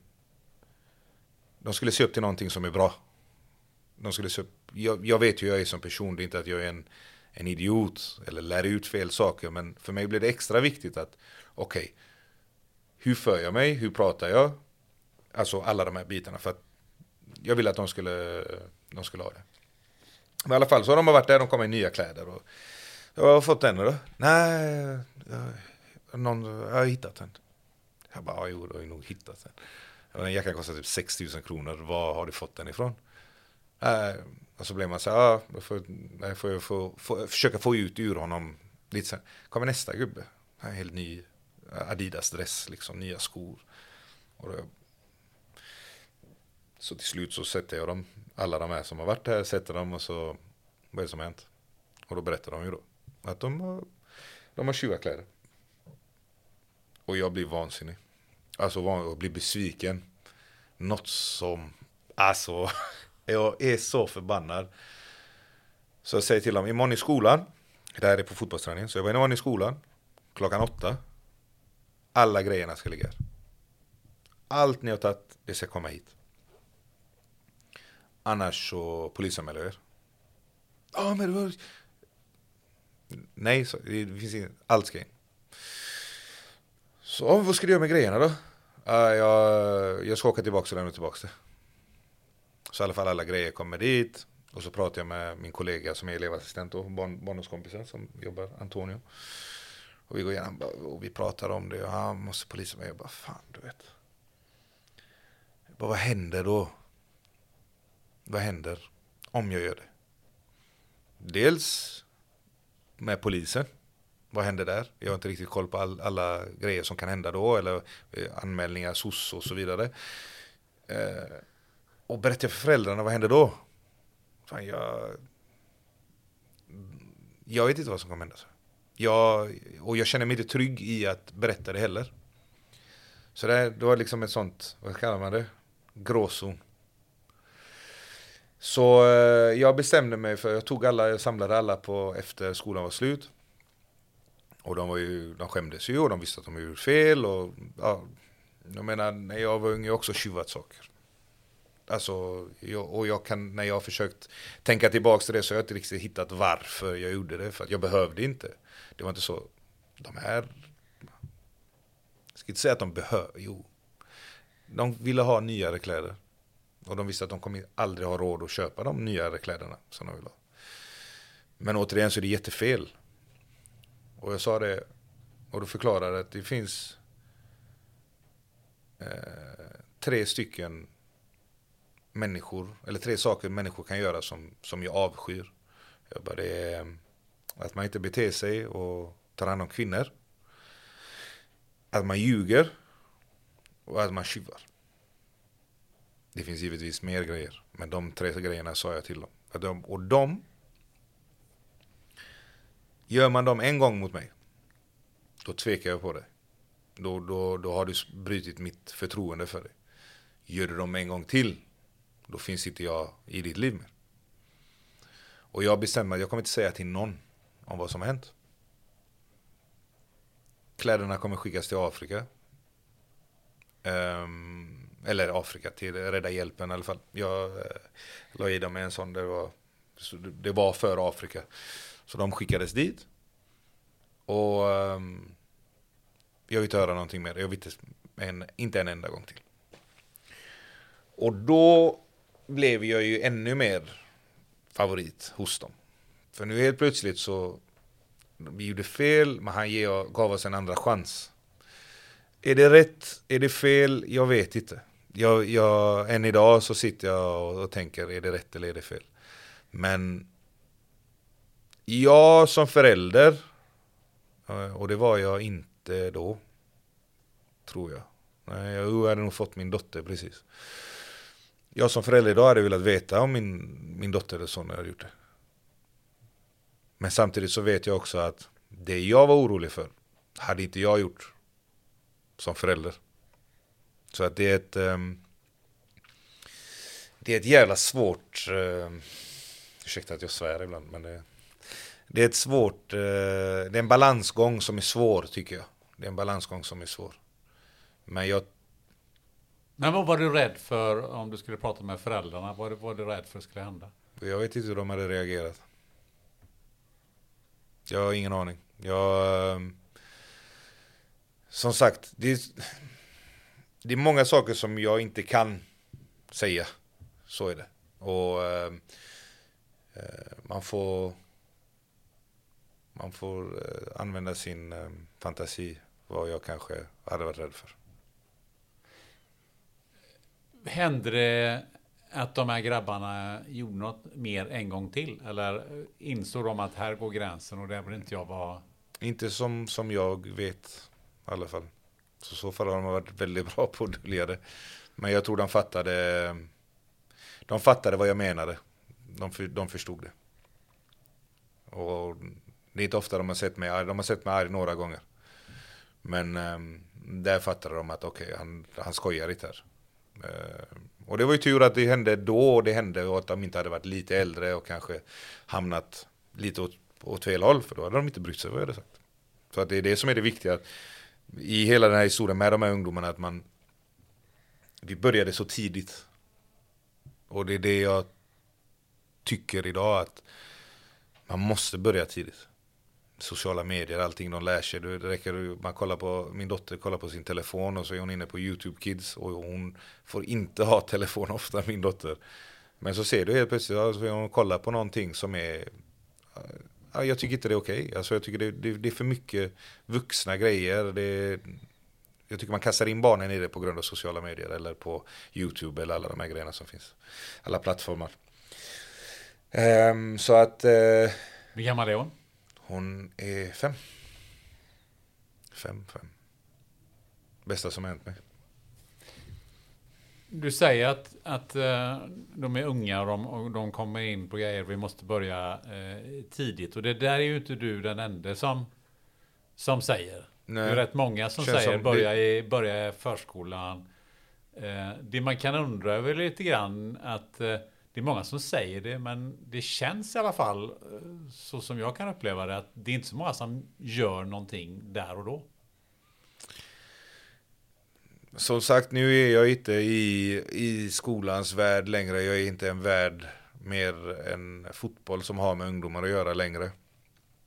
Men eh, jag har inte heller kanske sett att man gör så mycket åt det som man kan göra. Eh, jag tycker att eh, skolan blir väldigt lidande överlag, tycker jag. Det inte, och det är inte lätt att vara en, så som jag var. Det var många som ifrågasatte mig varför jag la ner så mycket tid på dem. Varför gör du det? Ja, precis, för det eh, läste jag på ett ställe. Varför mm. gör du det? Och du, ditt svar var där i alla fall att jag har gått på för många begravningar. Mm. vad, vad innebär det svaret? Eh, exakt, exakt vad det är. Eh, under min uppväxt och under eh, olika incidenter, olika händelser så har man tyvärr hamnat där. Och ehm, kan jag dra mitt strå till stacken och se till att man inte hamnar snett. För att det är svårt att förstå tror jag. Om man inte är i det. Jag kan till exempel eh, avsky eh, ungdomar som inte är från de här områdena. Glorifiera lite den livsstilen. Eller det sättet som kan finnas. Eh, jag tror inte någon som är i den världen egentligen vill vara i den världen. Men i de här områdena så du hamnar i utanförskap, du, hamnar, du blir dömd, du, du blir satt på ett, eh, liksom, ja, men det, han är därifrån. Och jag hörde det själv. Jag är halvsvensk, min mamma är från Sverige. Jag ser svensk ut. Men när jag öppnade min mun så pratade jag på ett annat sätt. Eller jag hade en, ett sla, en slang som kanske, alltså, jag, jag var inte, jag kände mig aldrig hemma. Och det var, en, alltså det var ju svinjobbigt för att jag var ju varken eh, Jag är inte invandrare. Min pappa är invandrare. Jag är född i Sverige. Jag är uppväxt i Sverige. Jag är upp, uppväxt med köttbullar och stuvade makaroner och eh, stekt fläsk med löksås. Liksom. Men, eh, och mycket pasta. För annars hade farsan aldrig accepterat det. Men, Lite pizza också, kanske? Ja, mycket. Men jag, jag tror att eh, det, är så, det är så nära och det är så enkelt att hamna där. Och i slutändan så... Jag har träffat på ungdomar som idag inte är med oss. Som är, eh, som är jättegoda killar. Som är jättefina killar. Men man hamnar snett. Och ehm, hade jag haft ett, haft ett svar på varför så hade jag sagt det. Men så är världen. Ja, för det är ganska anmärkningsvärt. Du sa ju det här säkert för några år sedan och så har du varit på många begravningar om man tänker på att du är inte så fruktansvärt gammal själv. Och jag kommer ihåg när man, jag var i din ålder så jag hade inte gått på speciellt många begravningar kan jag säga. Nej. Det är... ehm, ja. Det är tragiskt. Varför är det så lätt att halka så snett i, i den här världen? Varför är den, varför, varför är den gränsen så, så lätt att överträda? Jag tror att det är att det, det, det, det finns så nära. Alltså det finns så nära och det, det är olika omständigheter beroende på var du kommer ifrån. Har du, har du ingen som hemma som kanske har koll på dig? Du kanske har mamma och pappa som jobbar natt, nattskift och inte har koll på dig på kvällen. Och de måste göra det för att det är det jobbet de har. Det är så de betalar hyran. Du ser dina föräldrar slita Medan du vet att ja, men där borta kan jag, jag kan göra det och det och det. Så har jag mer pengar än vad både min mamma och min pappa tjänar. Och jag tror att jag tror att den är den den värsta, den biten som får in ungdomar lättast.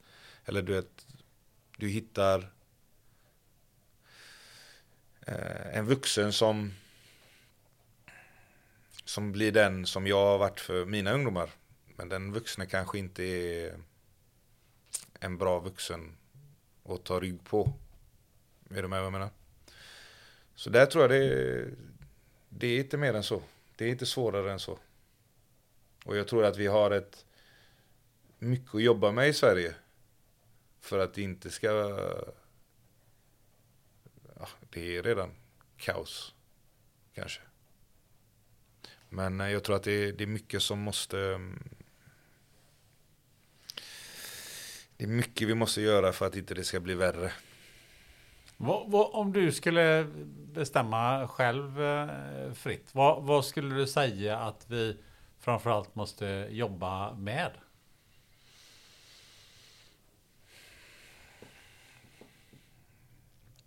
Det är en, eh, en fråga som jag har pratat med många om. Ja, den är extremt svår. Hade någon löst den så hade vi ju inte suttit där och, och ställt den här. Men, Jag, jag, men- jag, jag tror att ehm, först och främst att man ehm, Få alla de här unga eh, fånga in dem. Få dem att göra saker. Jag menar det kommer alltid finnas. Det- har funnits i, i hela historien. Att folk som blir kriminella eller hamnar snett. Det har alltid funnits. Men fånga in ungdomar. Gör saker som gör att ungdomar kan vara på ställen där det finns bra vuxna runt omkring. Där det finns eh, olika sysselsättningar. Stäng inte ner fritidsgårdar. Eh, stäng inte ner idrottshallar. Eh, gör saker som betala folk.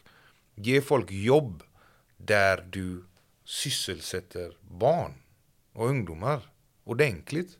Inte ett projekt som pågår i en vecka eller i två månader utan vet du vad, vad, vad, vad kan det kosta att ge i alla områden och det, det är inte bara i, i, i förorter utan andra om, områden med att okej men de här och de här ni har det finns en grej i, i, i Hisingen som jag tycker är grym. Det har de fotboll, Friday night, Friday night fotboll eller någonting. Då spelar de fotboll på kvällen. Svinbra, men det finns ju andra, det är inte bara fotboll, alla gillar fotboll. Ja, gör olika saker, hitta saker så att det finns en, en annan, ett annat än att stå och hänga i ett, på ett torg. För att du hänger inte på ett torg om det finns roligare grejer att göra. Alltså det hänger inte över, överlag, då är du där och gör de här olika grejerna. Så jag tror att det är en, man måste kunna sysselsätta dem och också hitta problemen som finns, de som har problem som ungdom, de som är på väg och, alltså, och då ska det inte vara liksom Sen så vet jag Jag har också träffat på ungdomar som är helt ja, men jag tycker det är häftigt. Jag tycker det är häftigt att vara kriminell. Ja, okej. Okay. Tycker de det verkligen innerst inne? Ja. Nej, jag tror inte det. Jag tror att de är ganska osäkra de som säger så. Men samtidigt så är det den approachen du får och det, den, det sättet. Alltså jag har träffat ungdomar som jag inte har kunnat nå. Verkligen inte kunnat nå. Där jag, eh, men, men jag har också träffat ungdomar som har pratat så. Men sen så har du fått dem att tänka annorlunda. Men det, jag, jag tycker det, det, är hemskt att, det, att vi egentligen ska sitta och, och prata om, om att, att man inte kan göra saker åt det. För det känns ju som att det finns folk som får rätt bra betalt för att komma på det. Eh, men då är frågan de som sitter på de positionerna. Jag är inte den personen. Men de som, de som sitter på de positionerna hur, eh, som ska bestämma. Man kanske ska kolla efter de människorna som bor i sådana områden. Varför sitter inte... Jag har ingen koll nu, nu pratar jag bara hum, men eh, det kan, för det kanske bara sitter sådana. Det är, som har uppväxt i en förort som sitter på de positionerna. Jag tror det inte, men det kan vara så. Eh, jag har ingen fakta i det, men jag tror att gå dit först. Kolla, vad kan vi göra? Och det finns fullt med sådana eh, eldsjälar. Och det är det som jag sa innan, när du frågade mig vad jag tänkte och undrade. Att för mig så är det... Jag har inte gjort något speciellt. Jag tycker verkligen inte det. Jag, jag, jag har ingen anledning att bli glorifierad för någonting. För att för mig så är det... Jag gjorde det nu. Och jag hoppas att någon gör det när mina barn är i den åldern. Som finns där extra. Eh, det är för mig en ehm, vad ska, vad ska man kalla det? Jag, jag, jag, jag, tycker inte det, det finns liksom ingenting som är, som är extraordinärt. För det finns massa som gör det. Det finns massa som, som, som verkligen sliter och som, som vet, tar från sin, sin lön och köper mat, som, som köper en tröja till någon eller en jacka till någon. Det finns fullt med dem. Jag hade turen att uh, When We Were Kings gjorde en podd om, om Göteholm. Med det vi har gjort med fotbollen och så frågade de om historien och så fick de historien. Men det är en slump. Jag tror det finns jättemånga människor som man kan, som är mycket smartare än mig och som har mycket bättre koll än mig. Som hade kunnat se till att vi inte har de här problemen. Det är jag helt hundra på. Jag träffar så mycket smarta människor ute i de här, eh, jag har varit och besökt olika skolor och så här. Som är grymma. De jobbar som elevassistenter eller de jobbar, men när man pratar med dem så blir jag så här, Uff, han, är, han är king. Varför, varför är du elevassistent? Du hade kunnat ändra på så, så mycket. Och ehm, det är det jag tycker att man ska göra. Jag, jag var tvungen att lämna eh, efter en incident som jag inte vill prata jättemycket om. Jag var tvungen att lämna den skolan, allt som var med det. Um, och eh, jag har inte släppt det ännu. Men att när, det, när någonting sånt händer. Uh, då blir man. Man tappar ju tron liksom. För mig är det Sverige. Ett barn ska inte, ett barn ska inte dö. Av en kniv eller ett skott. Eller det, det ska inte finnas. Tycker inte jag. Eh, jag tror det tycker nog alla. Ehm, och ehm, som sagt, jag, efter det så var jag klar liksom. Där ute. Efter det så var jag klar. Vad gör grabbarna idag? som du har eh, haft i alla de här åren? Var, var har de landat någonstans? Ehm, det har varit så många. Eh, extremt många som man har träffat på. Så här, vissa har, eh, har hamnat snett. Ändå? Jajamän. Men de kanske jag inte var med så mycket. Fotbollskillarna så är det vad jag vet ingen som har hamnat snett. Det är någon man, man vet är lite så här på utkanten men ingen som har hamnat snett på det sättet. Uh, nej. Det har väl varit lite incidenter och så men ingen som har hamnat snett. Um, jag hade en, um, när jag jobbade med de här killarna så hade jag, var jag elevassistent för, för en kille som var, uh, för att säga det milt, livlig. Uh, han var kaos var han. Eh, och vi kom bra överens men det var fortfarande, han var kaos. Um, och vi, hade, vi jobbade två år ihop ungefär. Och han, um, tyvärr så var det en sån, där kände jag bara, alltså det här, det här kommer inte sluta bra för han. Han, han var bråkig och tjafsig och du vet, hamnade fel. Och, men idag så har han och hans bror öppnat en frisörsalong. Um, i, eh, vilket jag kan rekommendera er alla som vill klippa er och gå till. Det tycker jag. Får man göra shoutouts här? Absolut. Då ska ni gå till bröderna Nahi. I, ligger vid uh, en sidogata i Danska vägen. Men där är han och hans bror som har startat en frisörsalong. Uh, där de klipper skägg och så här. Och jag är, varje gång jag kliver in så är jag så jäkla stolt. Så jäkla stolt att träffa honom, köta med honom. Och liksom, om någon hade sagt till mig för sju år sedan att eh, skulle, han, skulle han få ett rakblad mot din hals så hade jag sagt aldrig någonsin. Eh, men idag så är vi där och sitter och, och pratar om livet och ehm, eh, Nej, och det är det som gör mig lycklig. Jag ser andra killar träffa på andra killar som, som har jobb, som och de är jätteimponerade. Ja, grymt du gjorde med, med fotbollen. Så jag, menar, men vet du vad? jag är grymt imponerad att du är där du är nu med den starten du hade.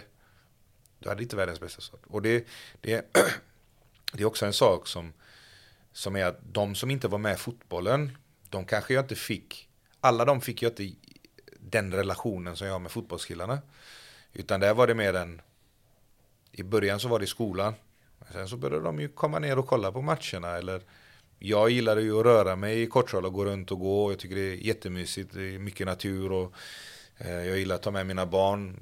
Jag är väl lite så, eh, visa vad pappa gjorde bus och sånt här. Och klättrade på tak. Och, och nu är min dotter fem så nu och min son han är tre, tre han klättrar överallt men min, min dotter är lite försiktigare men det är liksom att klättra upp på taket på det dagistaket som jag inte fick klättra upp på men jag vill ändå eh, visade. För det är saker som från, från min barndom som jag är stolt över. Alltså det är minnen som och så länge jag kan kan vara där och få se de minnena så vill jag försöka dela med mig av dem till mina barn. Men eh, de, de killarna är liksom vad ska man kalla det, de är de var inte riktigt med, de var med lite grann i fotbollen men de var så pass gamla när jag började. Och det var liksom att, ah, jag... Men de här andra killarna eh, som var med i den, de, de ser jag ofta, jag har en kontakt med dem ofta. Eh, sociala medier, eh, man lägger upp någon bild, man likar och nu, nu är de, de är börjar bli vuxna. De som var yngst när jag började, de blir 19 i år. Och det är också sjukt. Vad snabbt det går. Men eh, jag menar några som jobbar på Volvo. Jag skällde ut en förra året. Han körde bil. Så jag bara skällde ut honom. Vad gör du? Jag har tagit körkort. Jag bara, du har i alla fall inte tagit körkort. Ja just det, du har blivit 18, du blev 18 förra veckan. Vet, så att man är, det, är jätte, det är jätte, sen så är det några som man inte har så bra relation med, som man har, har, har krockat med. Och det är mer fotbollskrocken. Där jag såg en extrem potential. Men de kunde inte göra jobbet. Är du med vad jag menar med det? Att de ville gå den enkla vägen fram. Medan om du tar Karlsson till exempel. Han gjorde som jag sa. Han, han trä, tränade på, han körde, han, han var liksom, ja men jag lyssnar, jag, jag litar fullt här på dig. Och det har ju genererat det ganska bra för honom, för idag så är han ungdomsproffs i Italien. Det är ju ganska fantastiskt. Det är en eh, Askungens saga, bara det. Bara det. Det är en Askungens saga.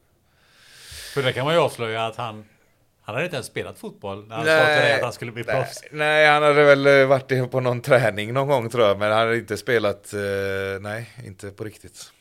Hade han inte gjort det. Det måste ju vara fantastiskt för dig. Är, Som har varit nere i Italien själv och, och så har du fostrat en grabb som faktiskt har tagit den vägen. han, ehm, hans, hans resa, är, ehm, det borde bli en film. Så kan jag väl säga. Eh, nu är ju inte den resan klar, utan det är många år och det kan vara att han aldrig eh, når hela vägen heller. Eh, men eh, det tror jag att han kommer göra för han är så målmedveten med det. Men han är en... ehm, han är ett sånt exempel på att okej, du får kanske inte alla de absolut bästa förutsättningarna. Men gör det bästa av det du har. För det kan ta, det kan ta dig längre än vad någon någonsin hade trott. Skulle du frågat mig för återigen för nio år sedan och sagt eh, Är det någon som blir fotbollsproffs här? Så hade jag sagt Inte en chans. Men jag ska försöka få dem att tro på det i alla fall så att de gör fotbollen istället för att göra någonting annat. Dumt. Ja, för det är ju en kille, om vi är intresserade av landslagsfotboll, som vi faktiskt ska ha lite koll på, har jag förstått. Ja, eh, han, eh, han har varit med på ett landslagsläger redan som när, de var, när han var 17 där, precis när han åkte till Italien. Eh, och han finns ju med i eh, eh, även Kamerun som har fått upp ögonen för honom. Så får vi se vad Sverige väljer att göra. Eh, det finns ju extremt många duktiga spelare i Sverige också så att vi får se. Du sa eh, några gånger har du sagt att men jag gjorde inget speciellt. Mm. Håller du med om det verkligen? För de som du gjorde något för?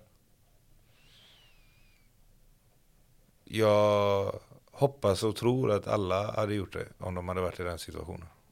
Men så är det ju inte. Ja, men vad tror du grabbarna säger som, som du faktiskt har gjort någonting för? Jo, men han gjorde nog något rätt speciellt. Jag tror de är, de är tacksamma är de. Eh, Det tror jag. Eh, Jag tror inte de förstår ännu helt. Jag tror de kommer fatta det när de blir äldre. Eh, Det är en sån klassisk grej som vuxna säger. Men, men jag tror att de kommer förstå det när de blir äldre. Ehm, Det tror jag. Vissa, vissa har börjat förstå det, vissa som, som man har pratat med som, som, har, som var med i laget, som, som slutade sen, de gick inte hela vägen, de orkade inte, de tyckte inte det var lika kul. Och det, så är det ju med fotboll. Alltså. Vissa tycker det är roligt hela tiden, som jag. Jag kommer aldrig sluta gilla fotboll. Eh, hade jag kunnat så hade jag tränat, spelat själv, eh, tränat min son och min dotter och bara levt fotboll. Men det vet vi alla att det, det, går inte för att där är inte jag för att kunna tjäna pengar på det. Men hade jag fått den chansen så är det, det är ju min dröm.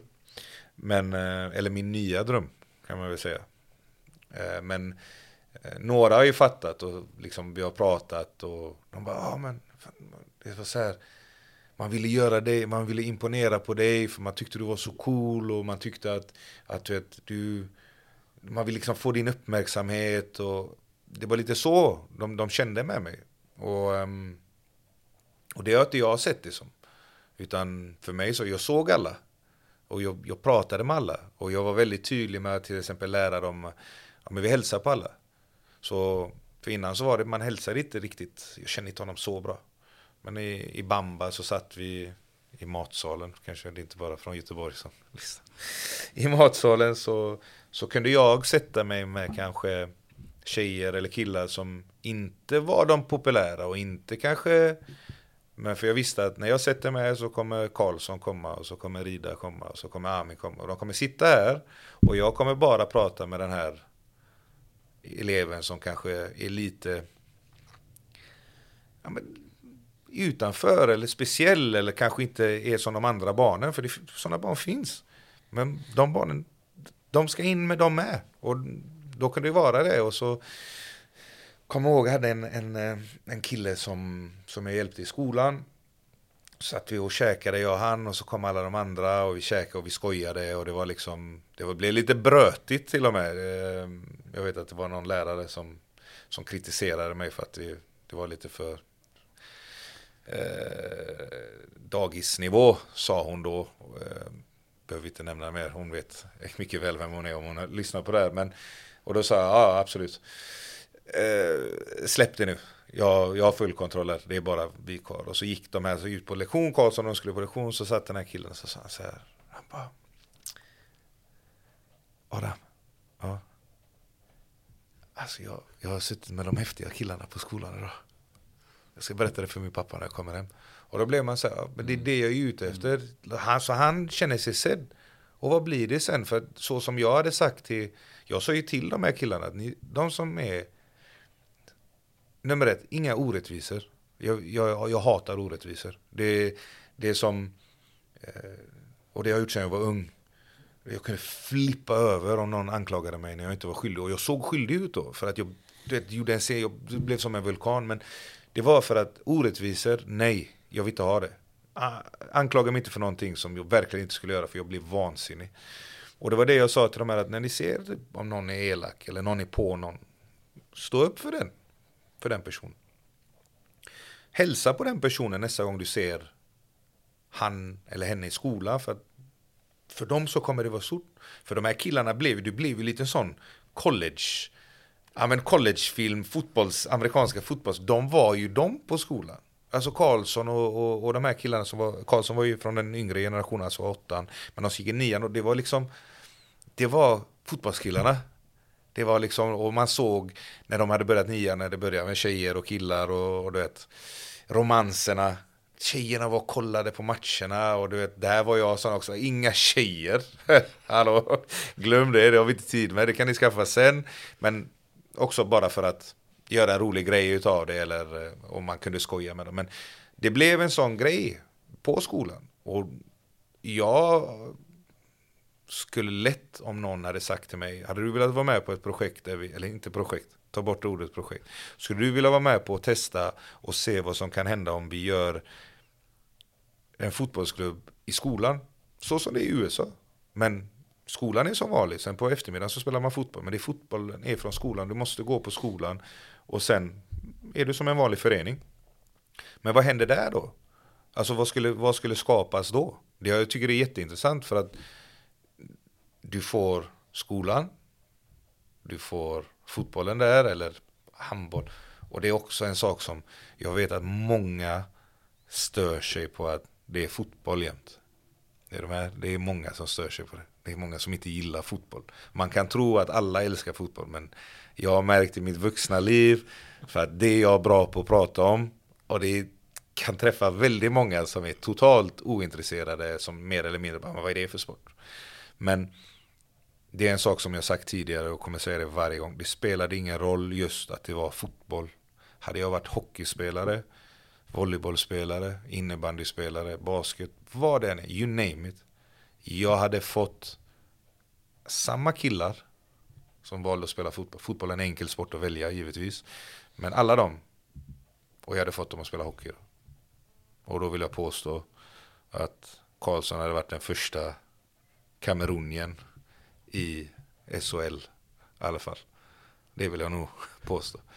För att någon, alltså det, det spelade ingen roll. De, de behövde mig det, det köper jag alla dagar i veckan. Det man glömmer är att jag behövde dem. Och det är en sak som är väldigt viktig att förklara för att många som kanske tror att ja ah, men alla lägger ner så mycket tid och säger ja ah, men jag behövde det. Jag behövde komma över min besvikelse på min karriär som fotbollsspelare, på beslut som jag har tagit under mitt liv och det kanske låter egoistiskt men när Karlsson blev ungdomsproffs då släppte vissa grejer som jag har haft i mitt bagage, det bara försvann. framförallt med fotbollen, att man inte gjort allt som man skulle göra. Eller, utan nu så tog jag allt det som jag visste redan då att jag skulle göra, men jag satte det på de här killarna, se vilka killar, vem som fastnar för det.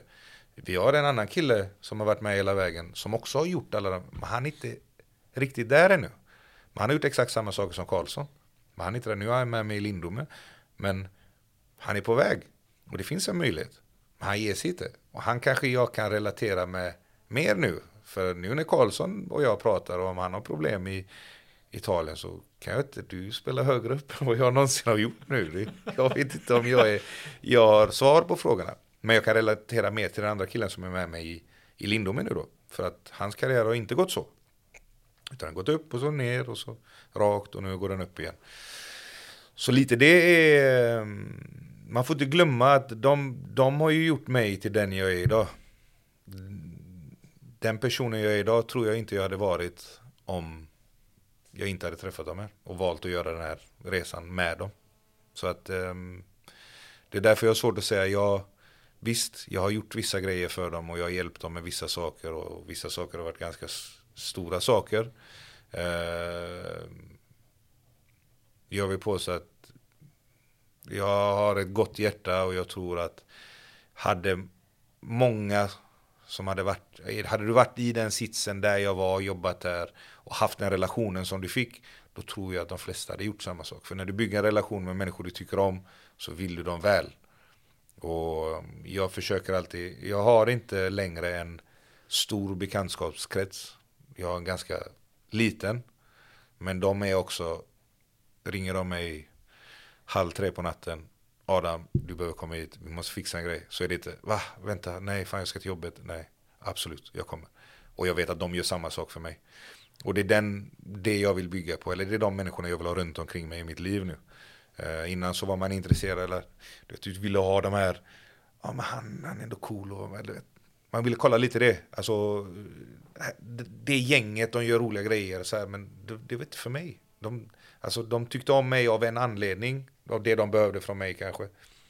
Eller jag tyckte att det var fräckt att vara i den, det gänget liksom. Men det är inte så längre, utan för mig så är det så här, de som, de som säger till mig att Adam, hej, det du gör är fel, eller det här är rätt, eller de människorna vill jag ha. Och det är det jag försökt lära till de här ungdomarna också, att när ni söker vänner, se hela tiden på vad, vad kan du, uh, blir du en bättre människa när du är med de här, eller blir du en sämre människa? När du tar dina beslut, till exempel har jag sagt till när ni tänker fotboll, alltså om vi pratar fotboll med de här killarna så har jag alltid sagt att kolla på den här kompisen du har och så gör han en grej. Han vill göra en grej. Då har du två, tre saker du ska tänka på. Sak nummer ett är hade Gör det här mig till en bättre fotbollsspelare? Det är sak nummer ett. Sak nummer två. Gör det här Adam sur? Hade Adam gjort det här? Och nummer tre, eller den går ihop med tvåan. Hade din mamma eller pappa tyckt att det är okej okay att du gör det? Och om du går in med det mindsetet jag sagt, då kommer ni inte hamna i så mycket problem. Det kan jag säga i alla fall. Och jag tror att några har gjort det och några kanske tycker jag är konstig. Men sen när de blir äldre återigen så kommer de nog ha en uh, känsla att uh, det var ett bra tips. Fantastisk uh, slutreplik eller det, mm. det är slut på den här uh, berättelsen. Ett stort, stort tack Adam Reggiani att du ville sitta med och snacka om det här. Tack själv. Tack själv. Du har lyssnat till det 189 avsnitt av podden Spännande möten med mig Gunnar Österreich. Nästa avsnitt blir troligen en repris. Tiden har varit väldigt knapp den senaste månaden. Men håll ut, det finns flera intressanta gäster bokade framöver och snart är vi uppe i fullt tempo igen. Tills dess så vet du vad du gör. Du sätter dig med en vän, du tar något gött att dricka och diskuterar vilket som är ditt favoritavsnitt. Ha det gött!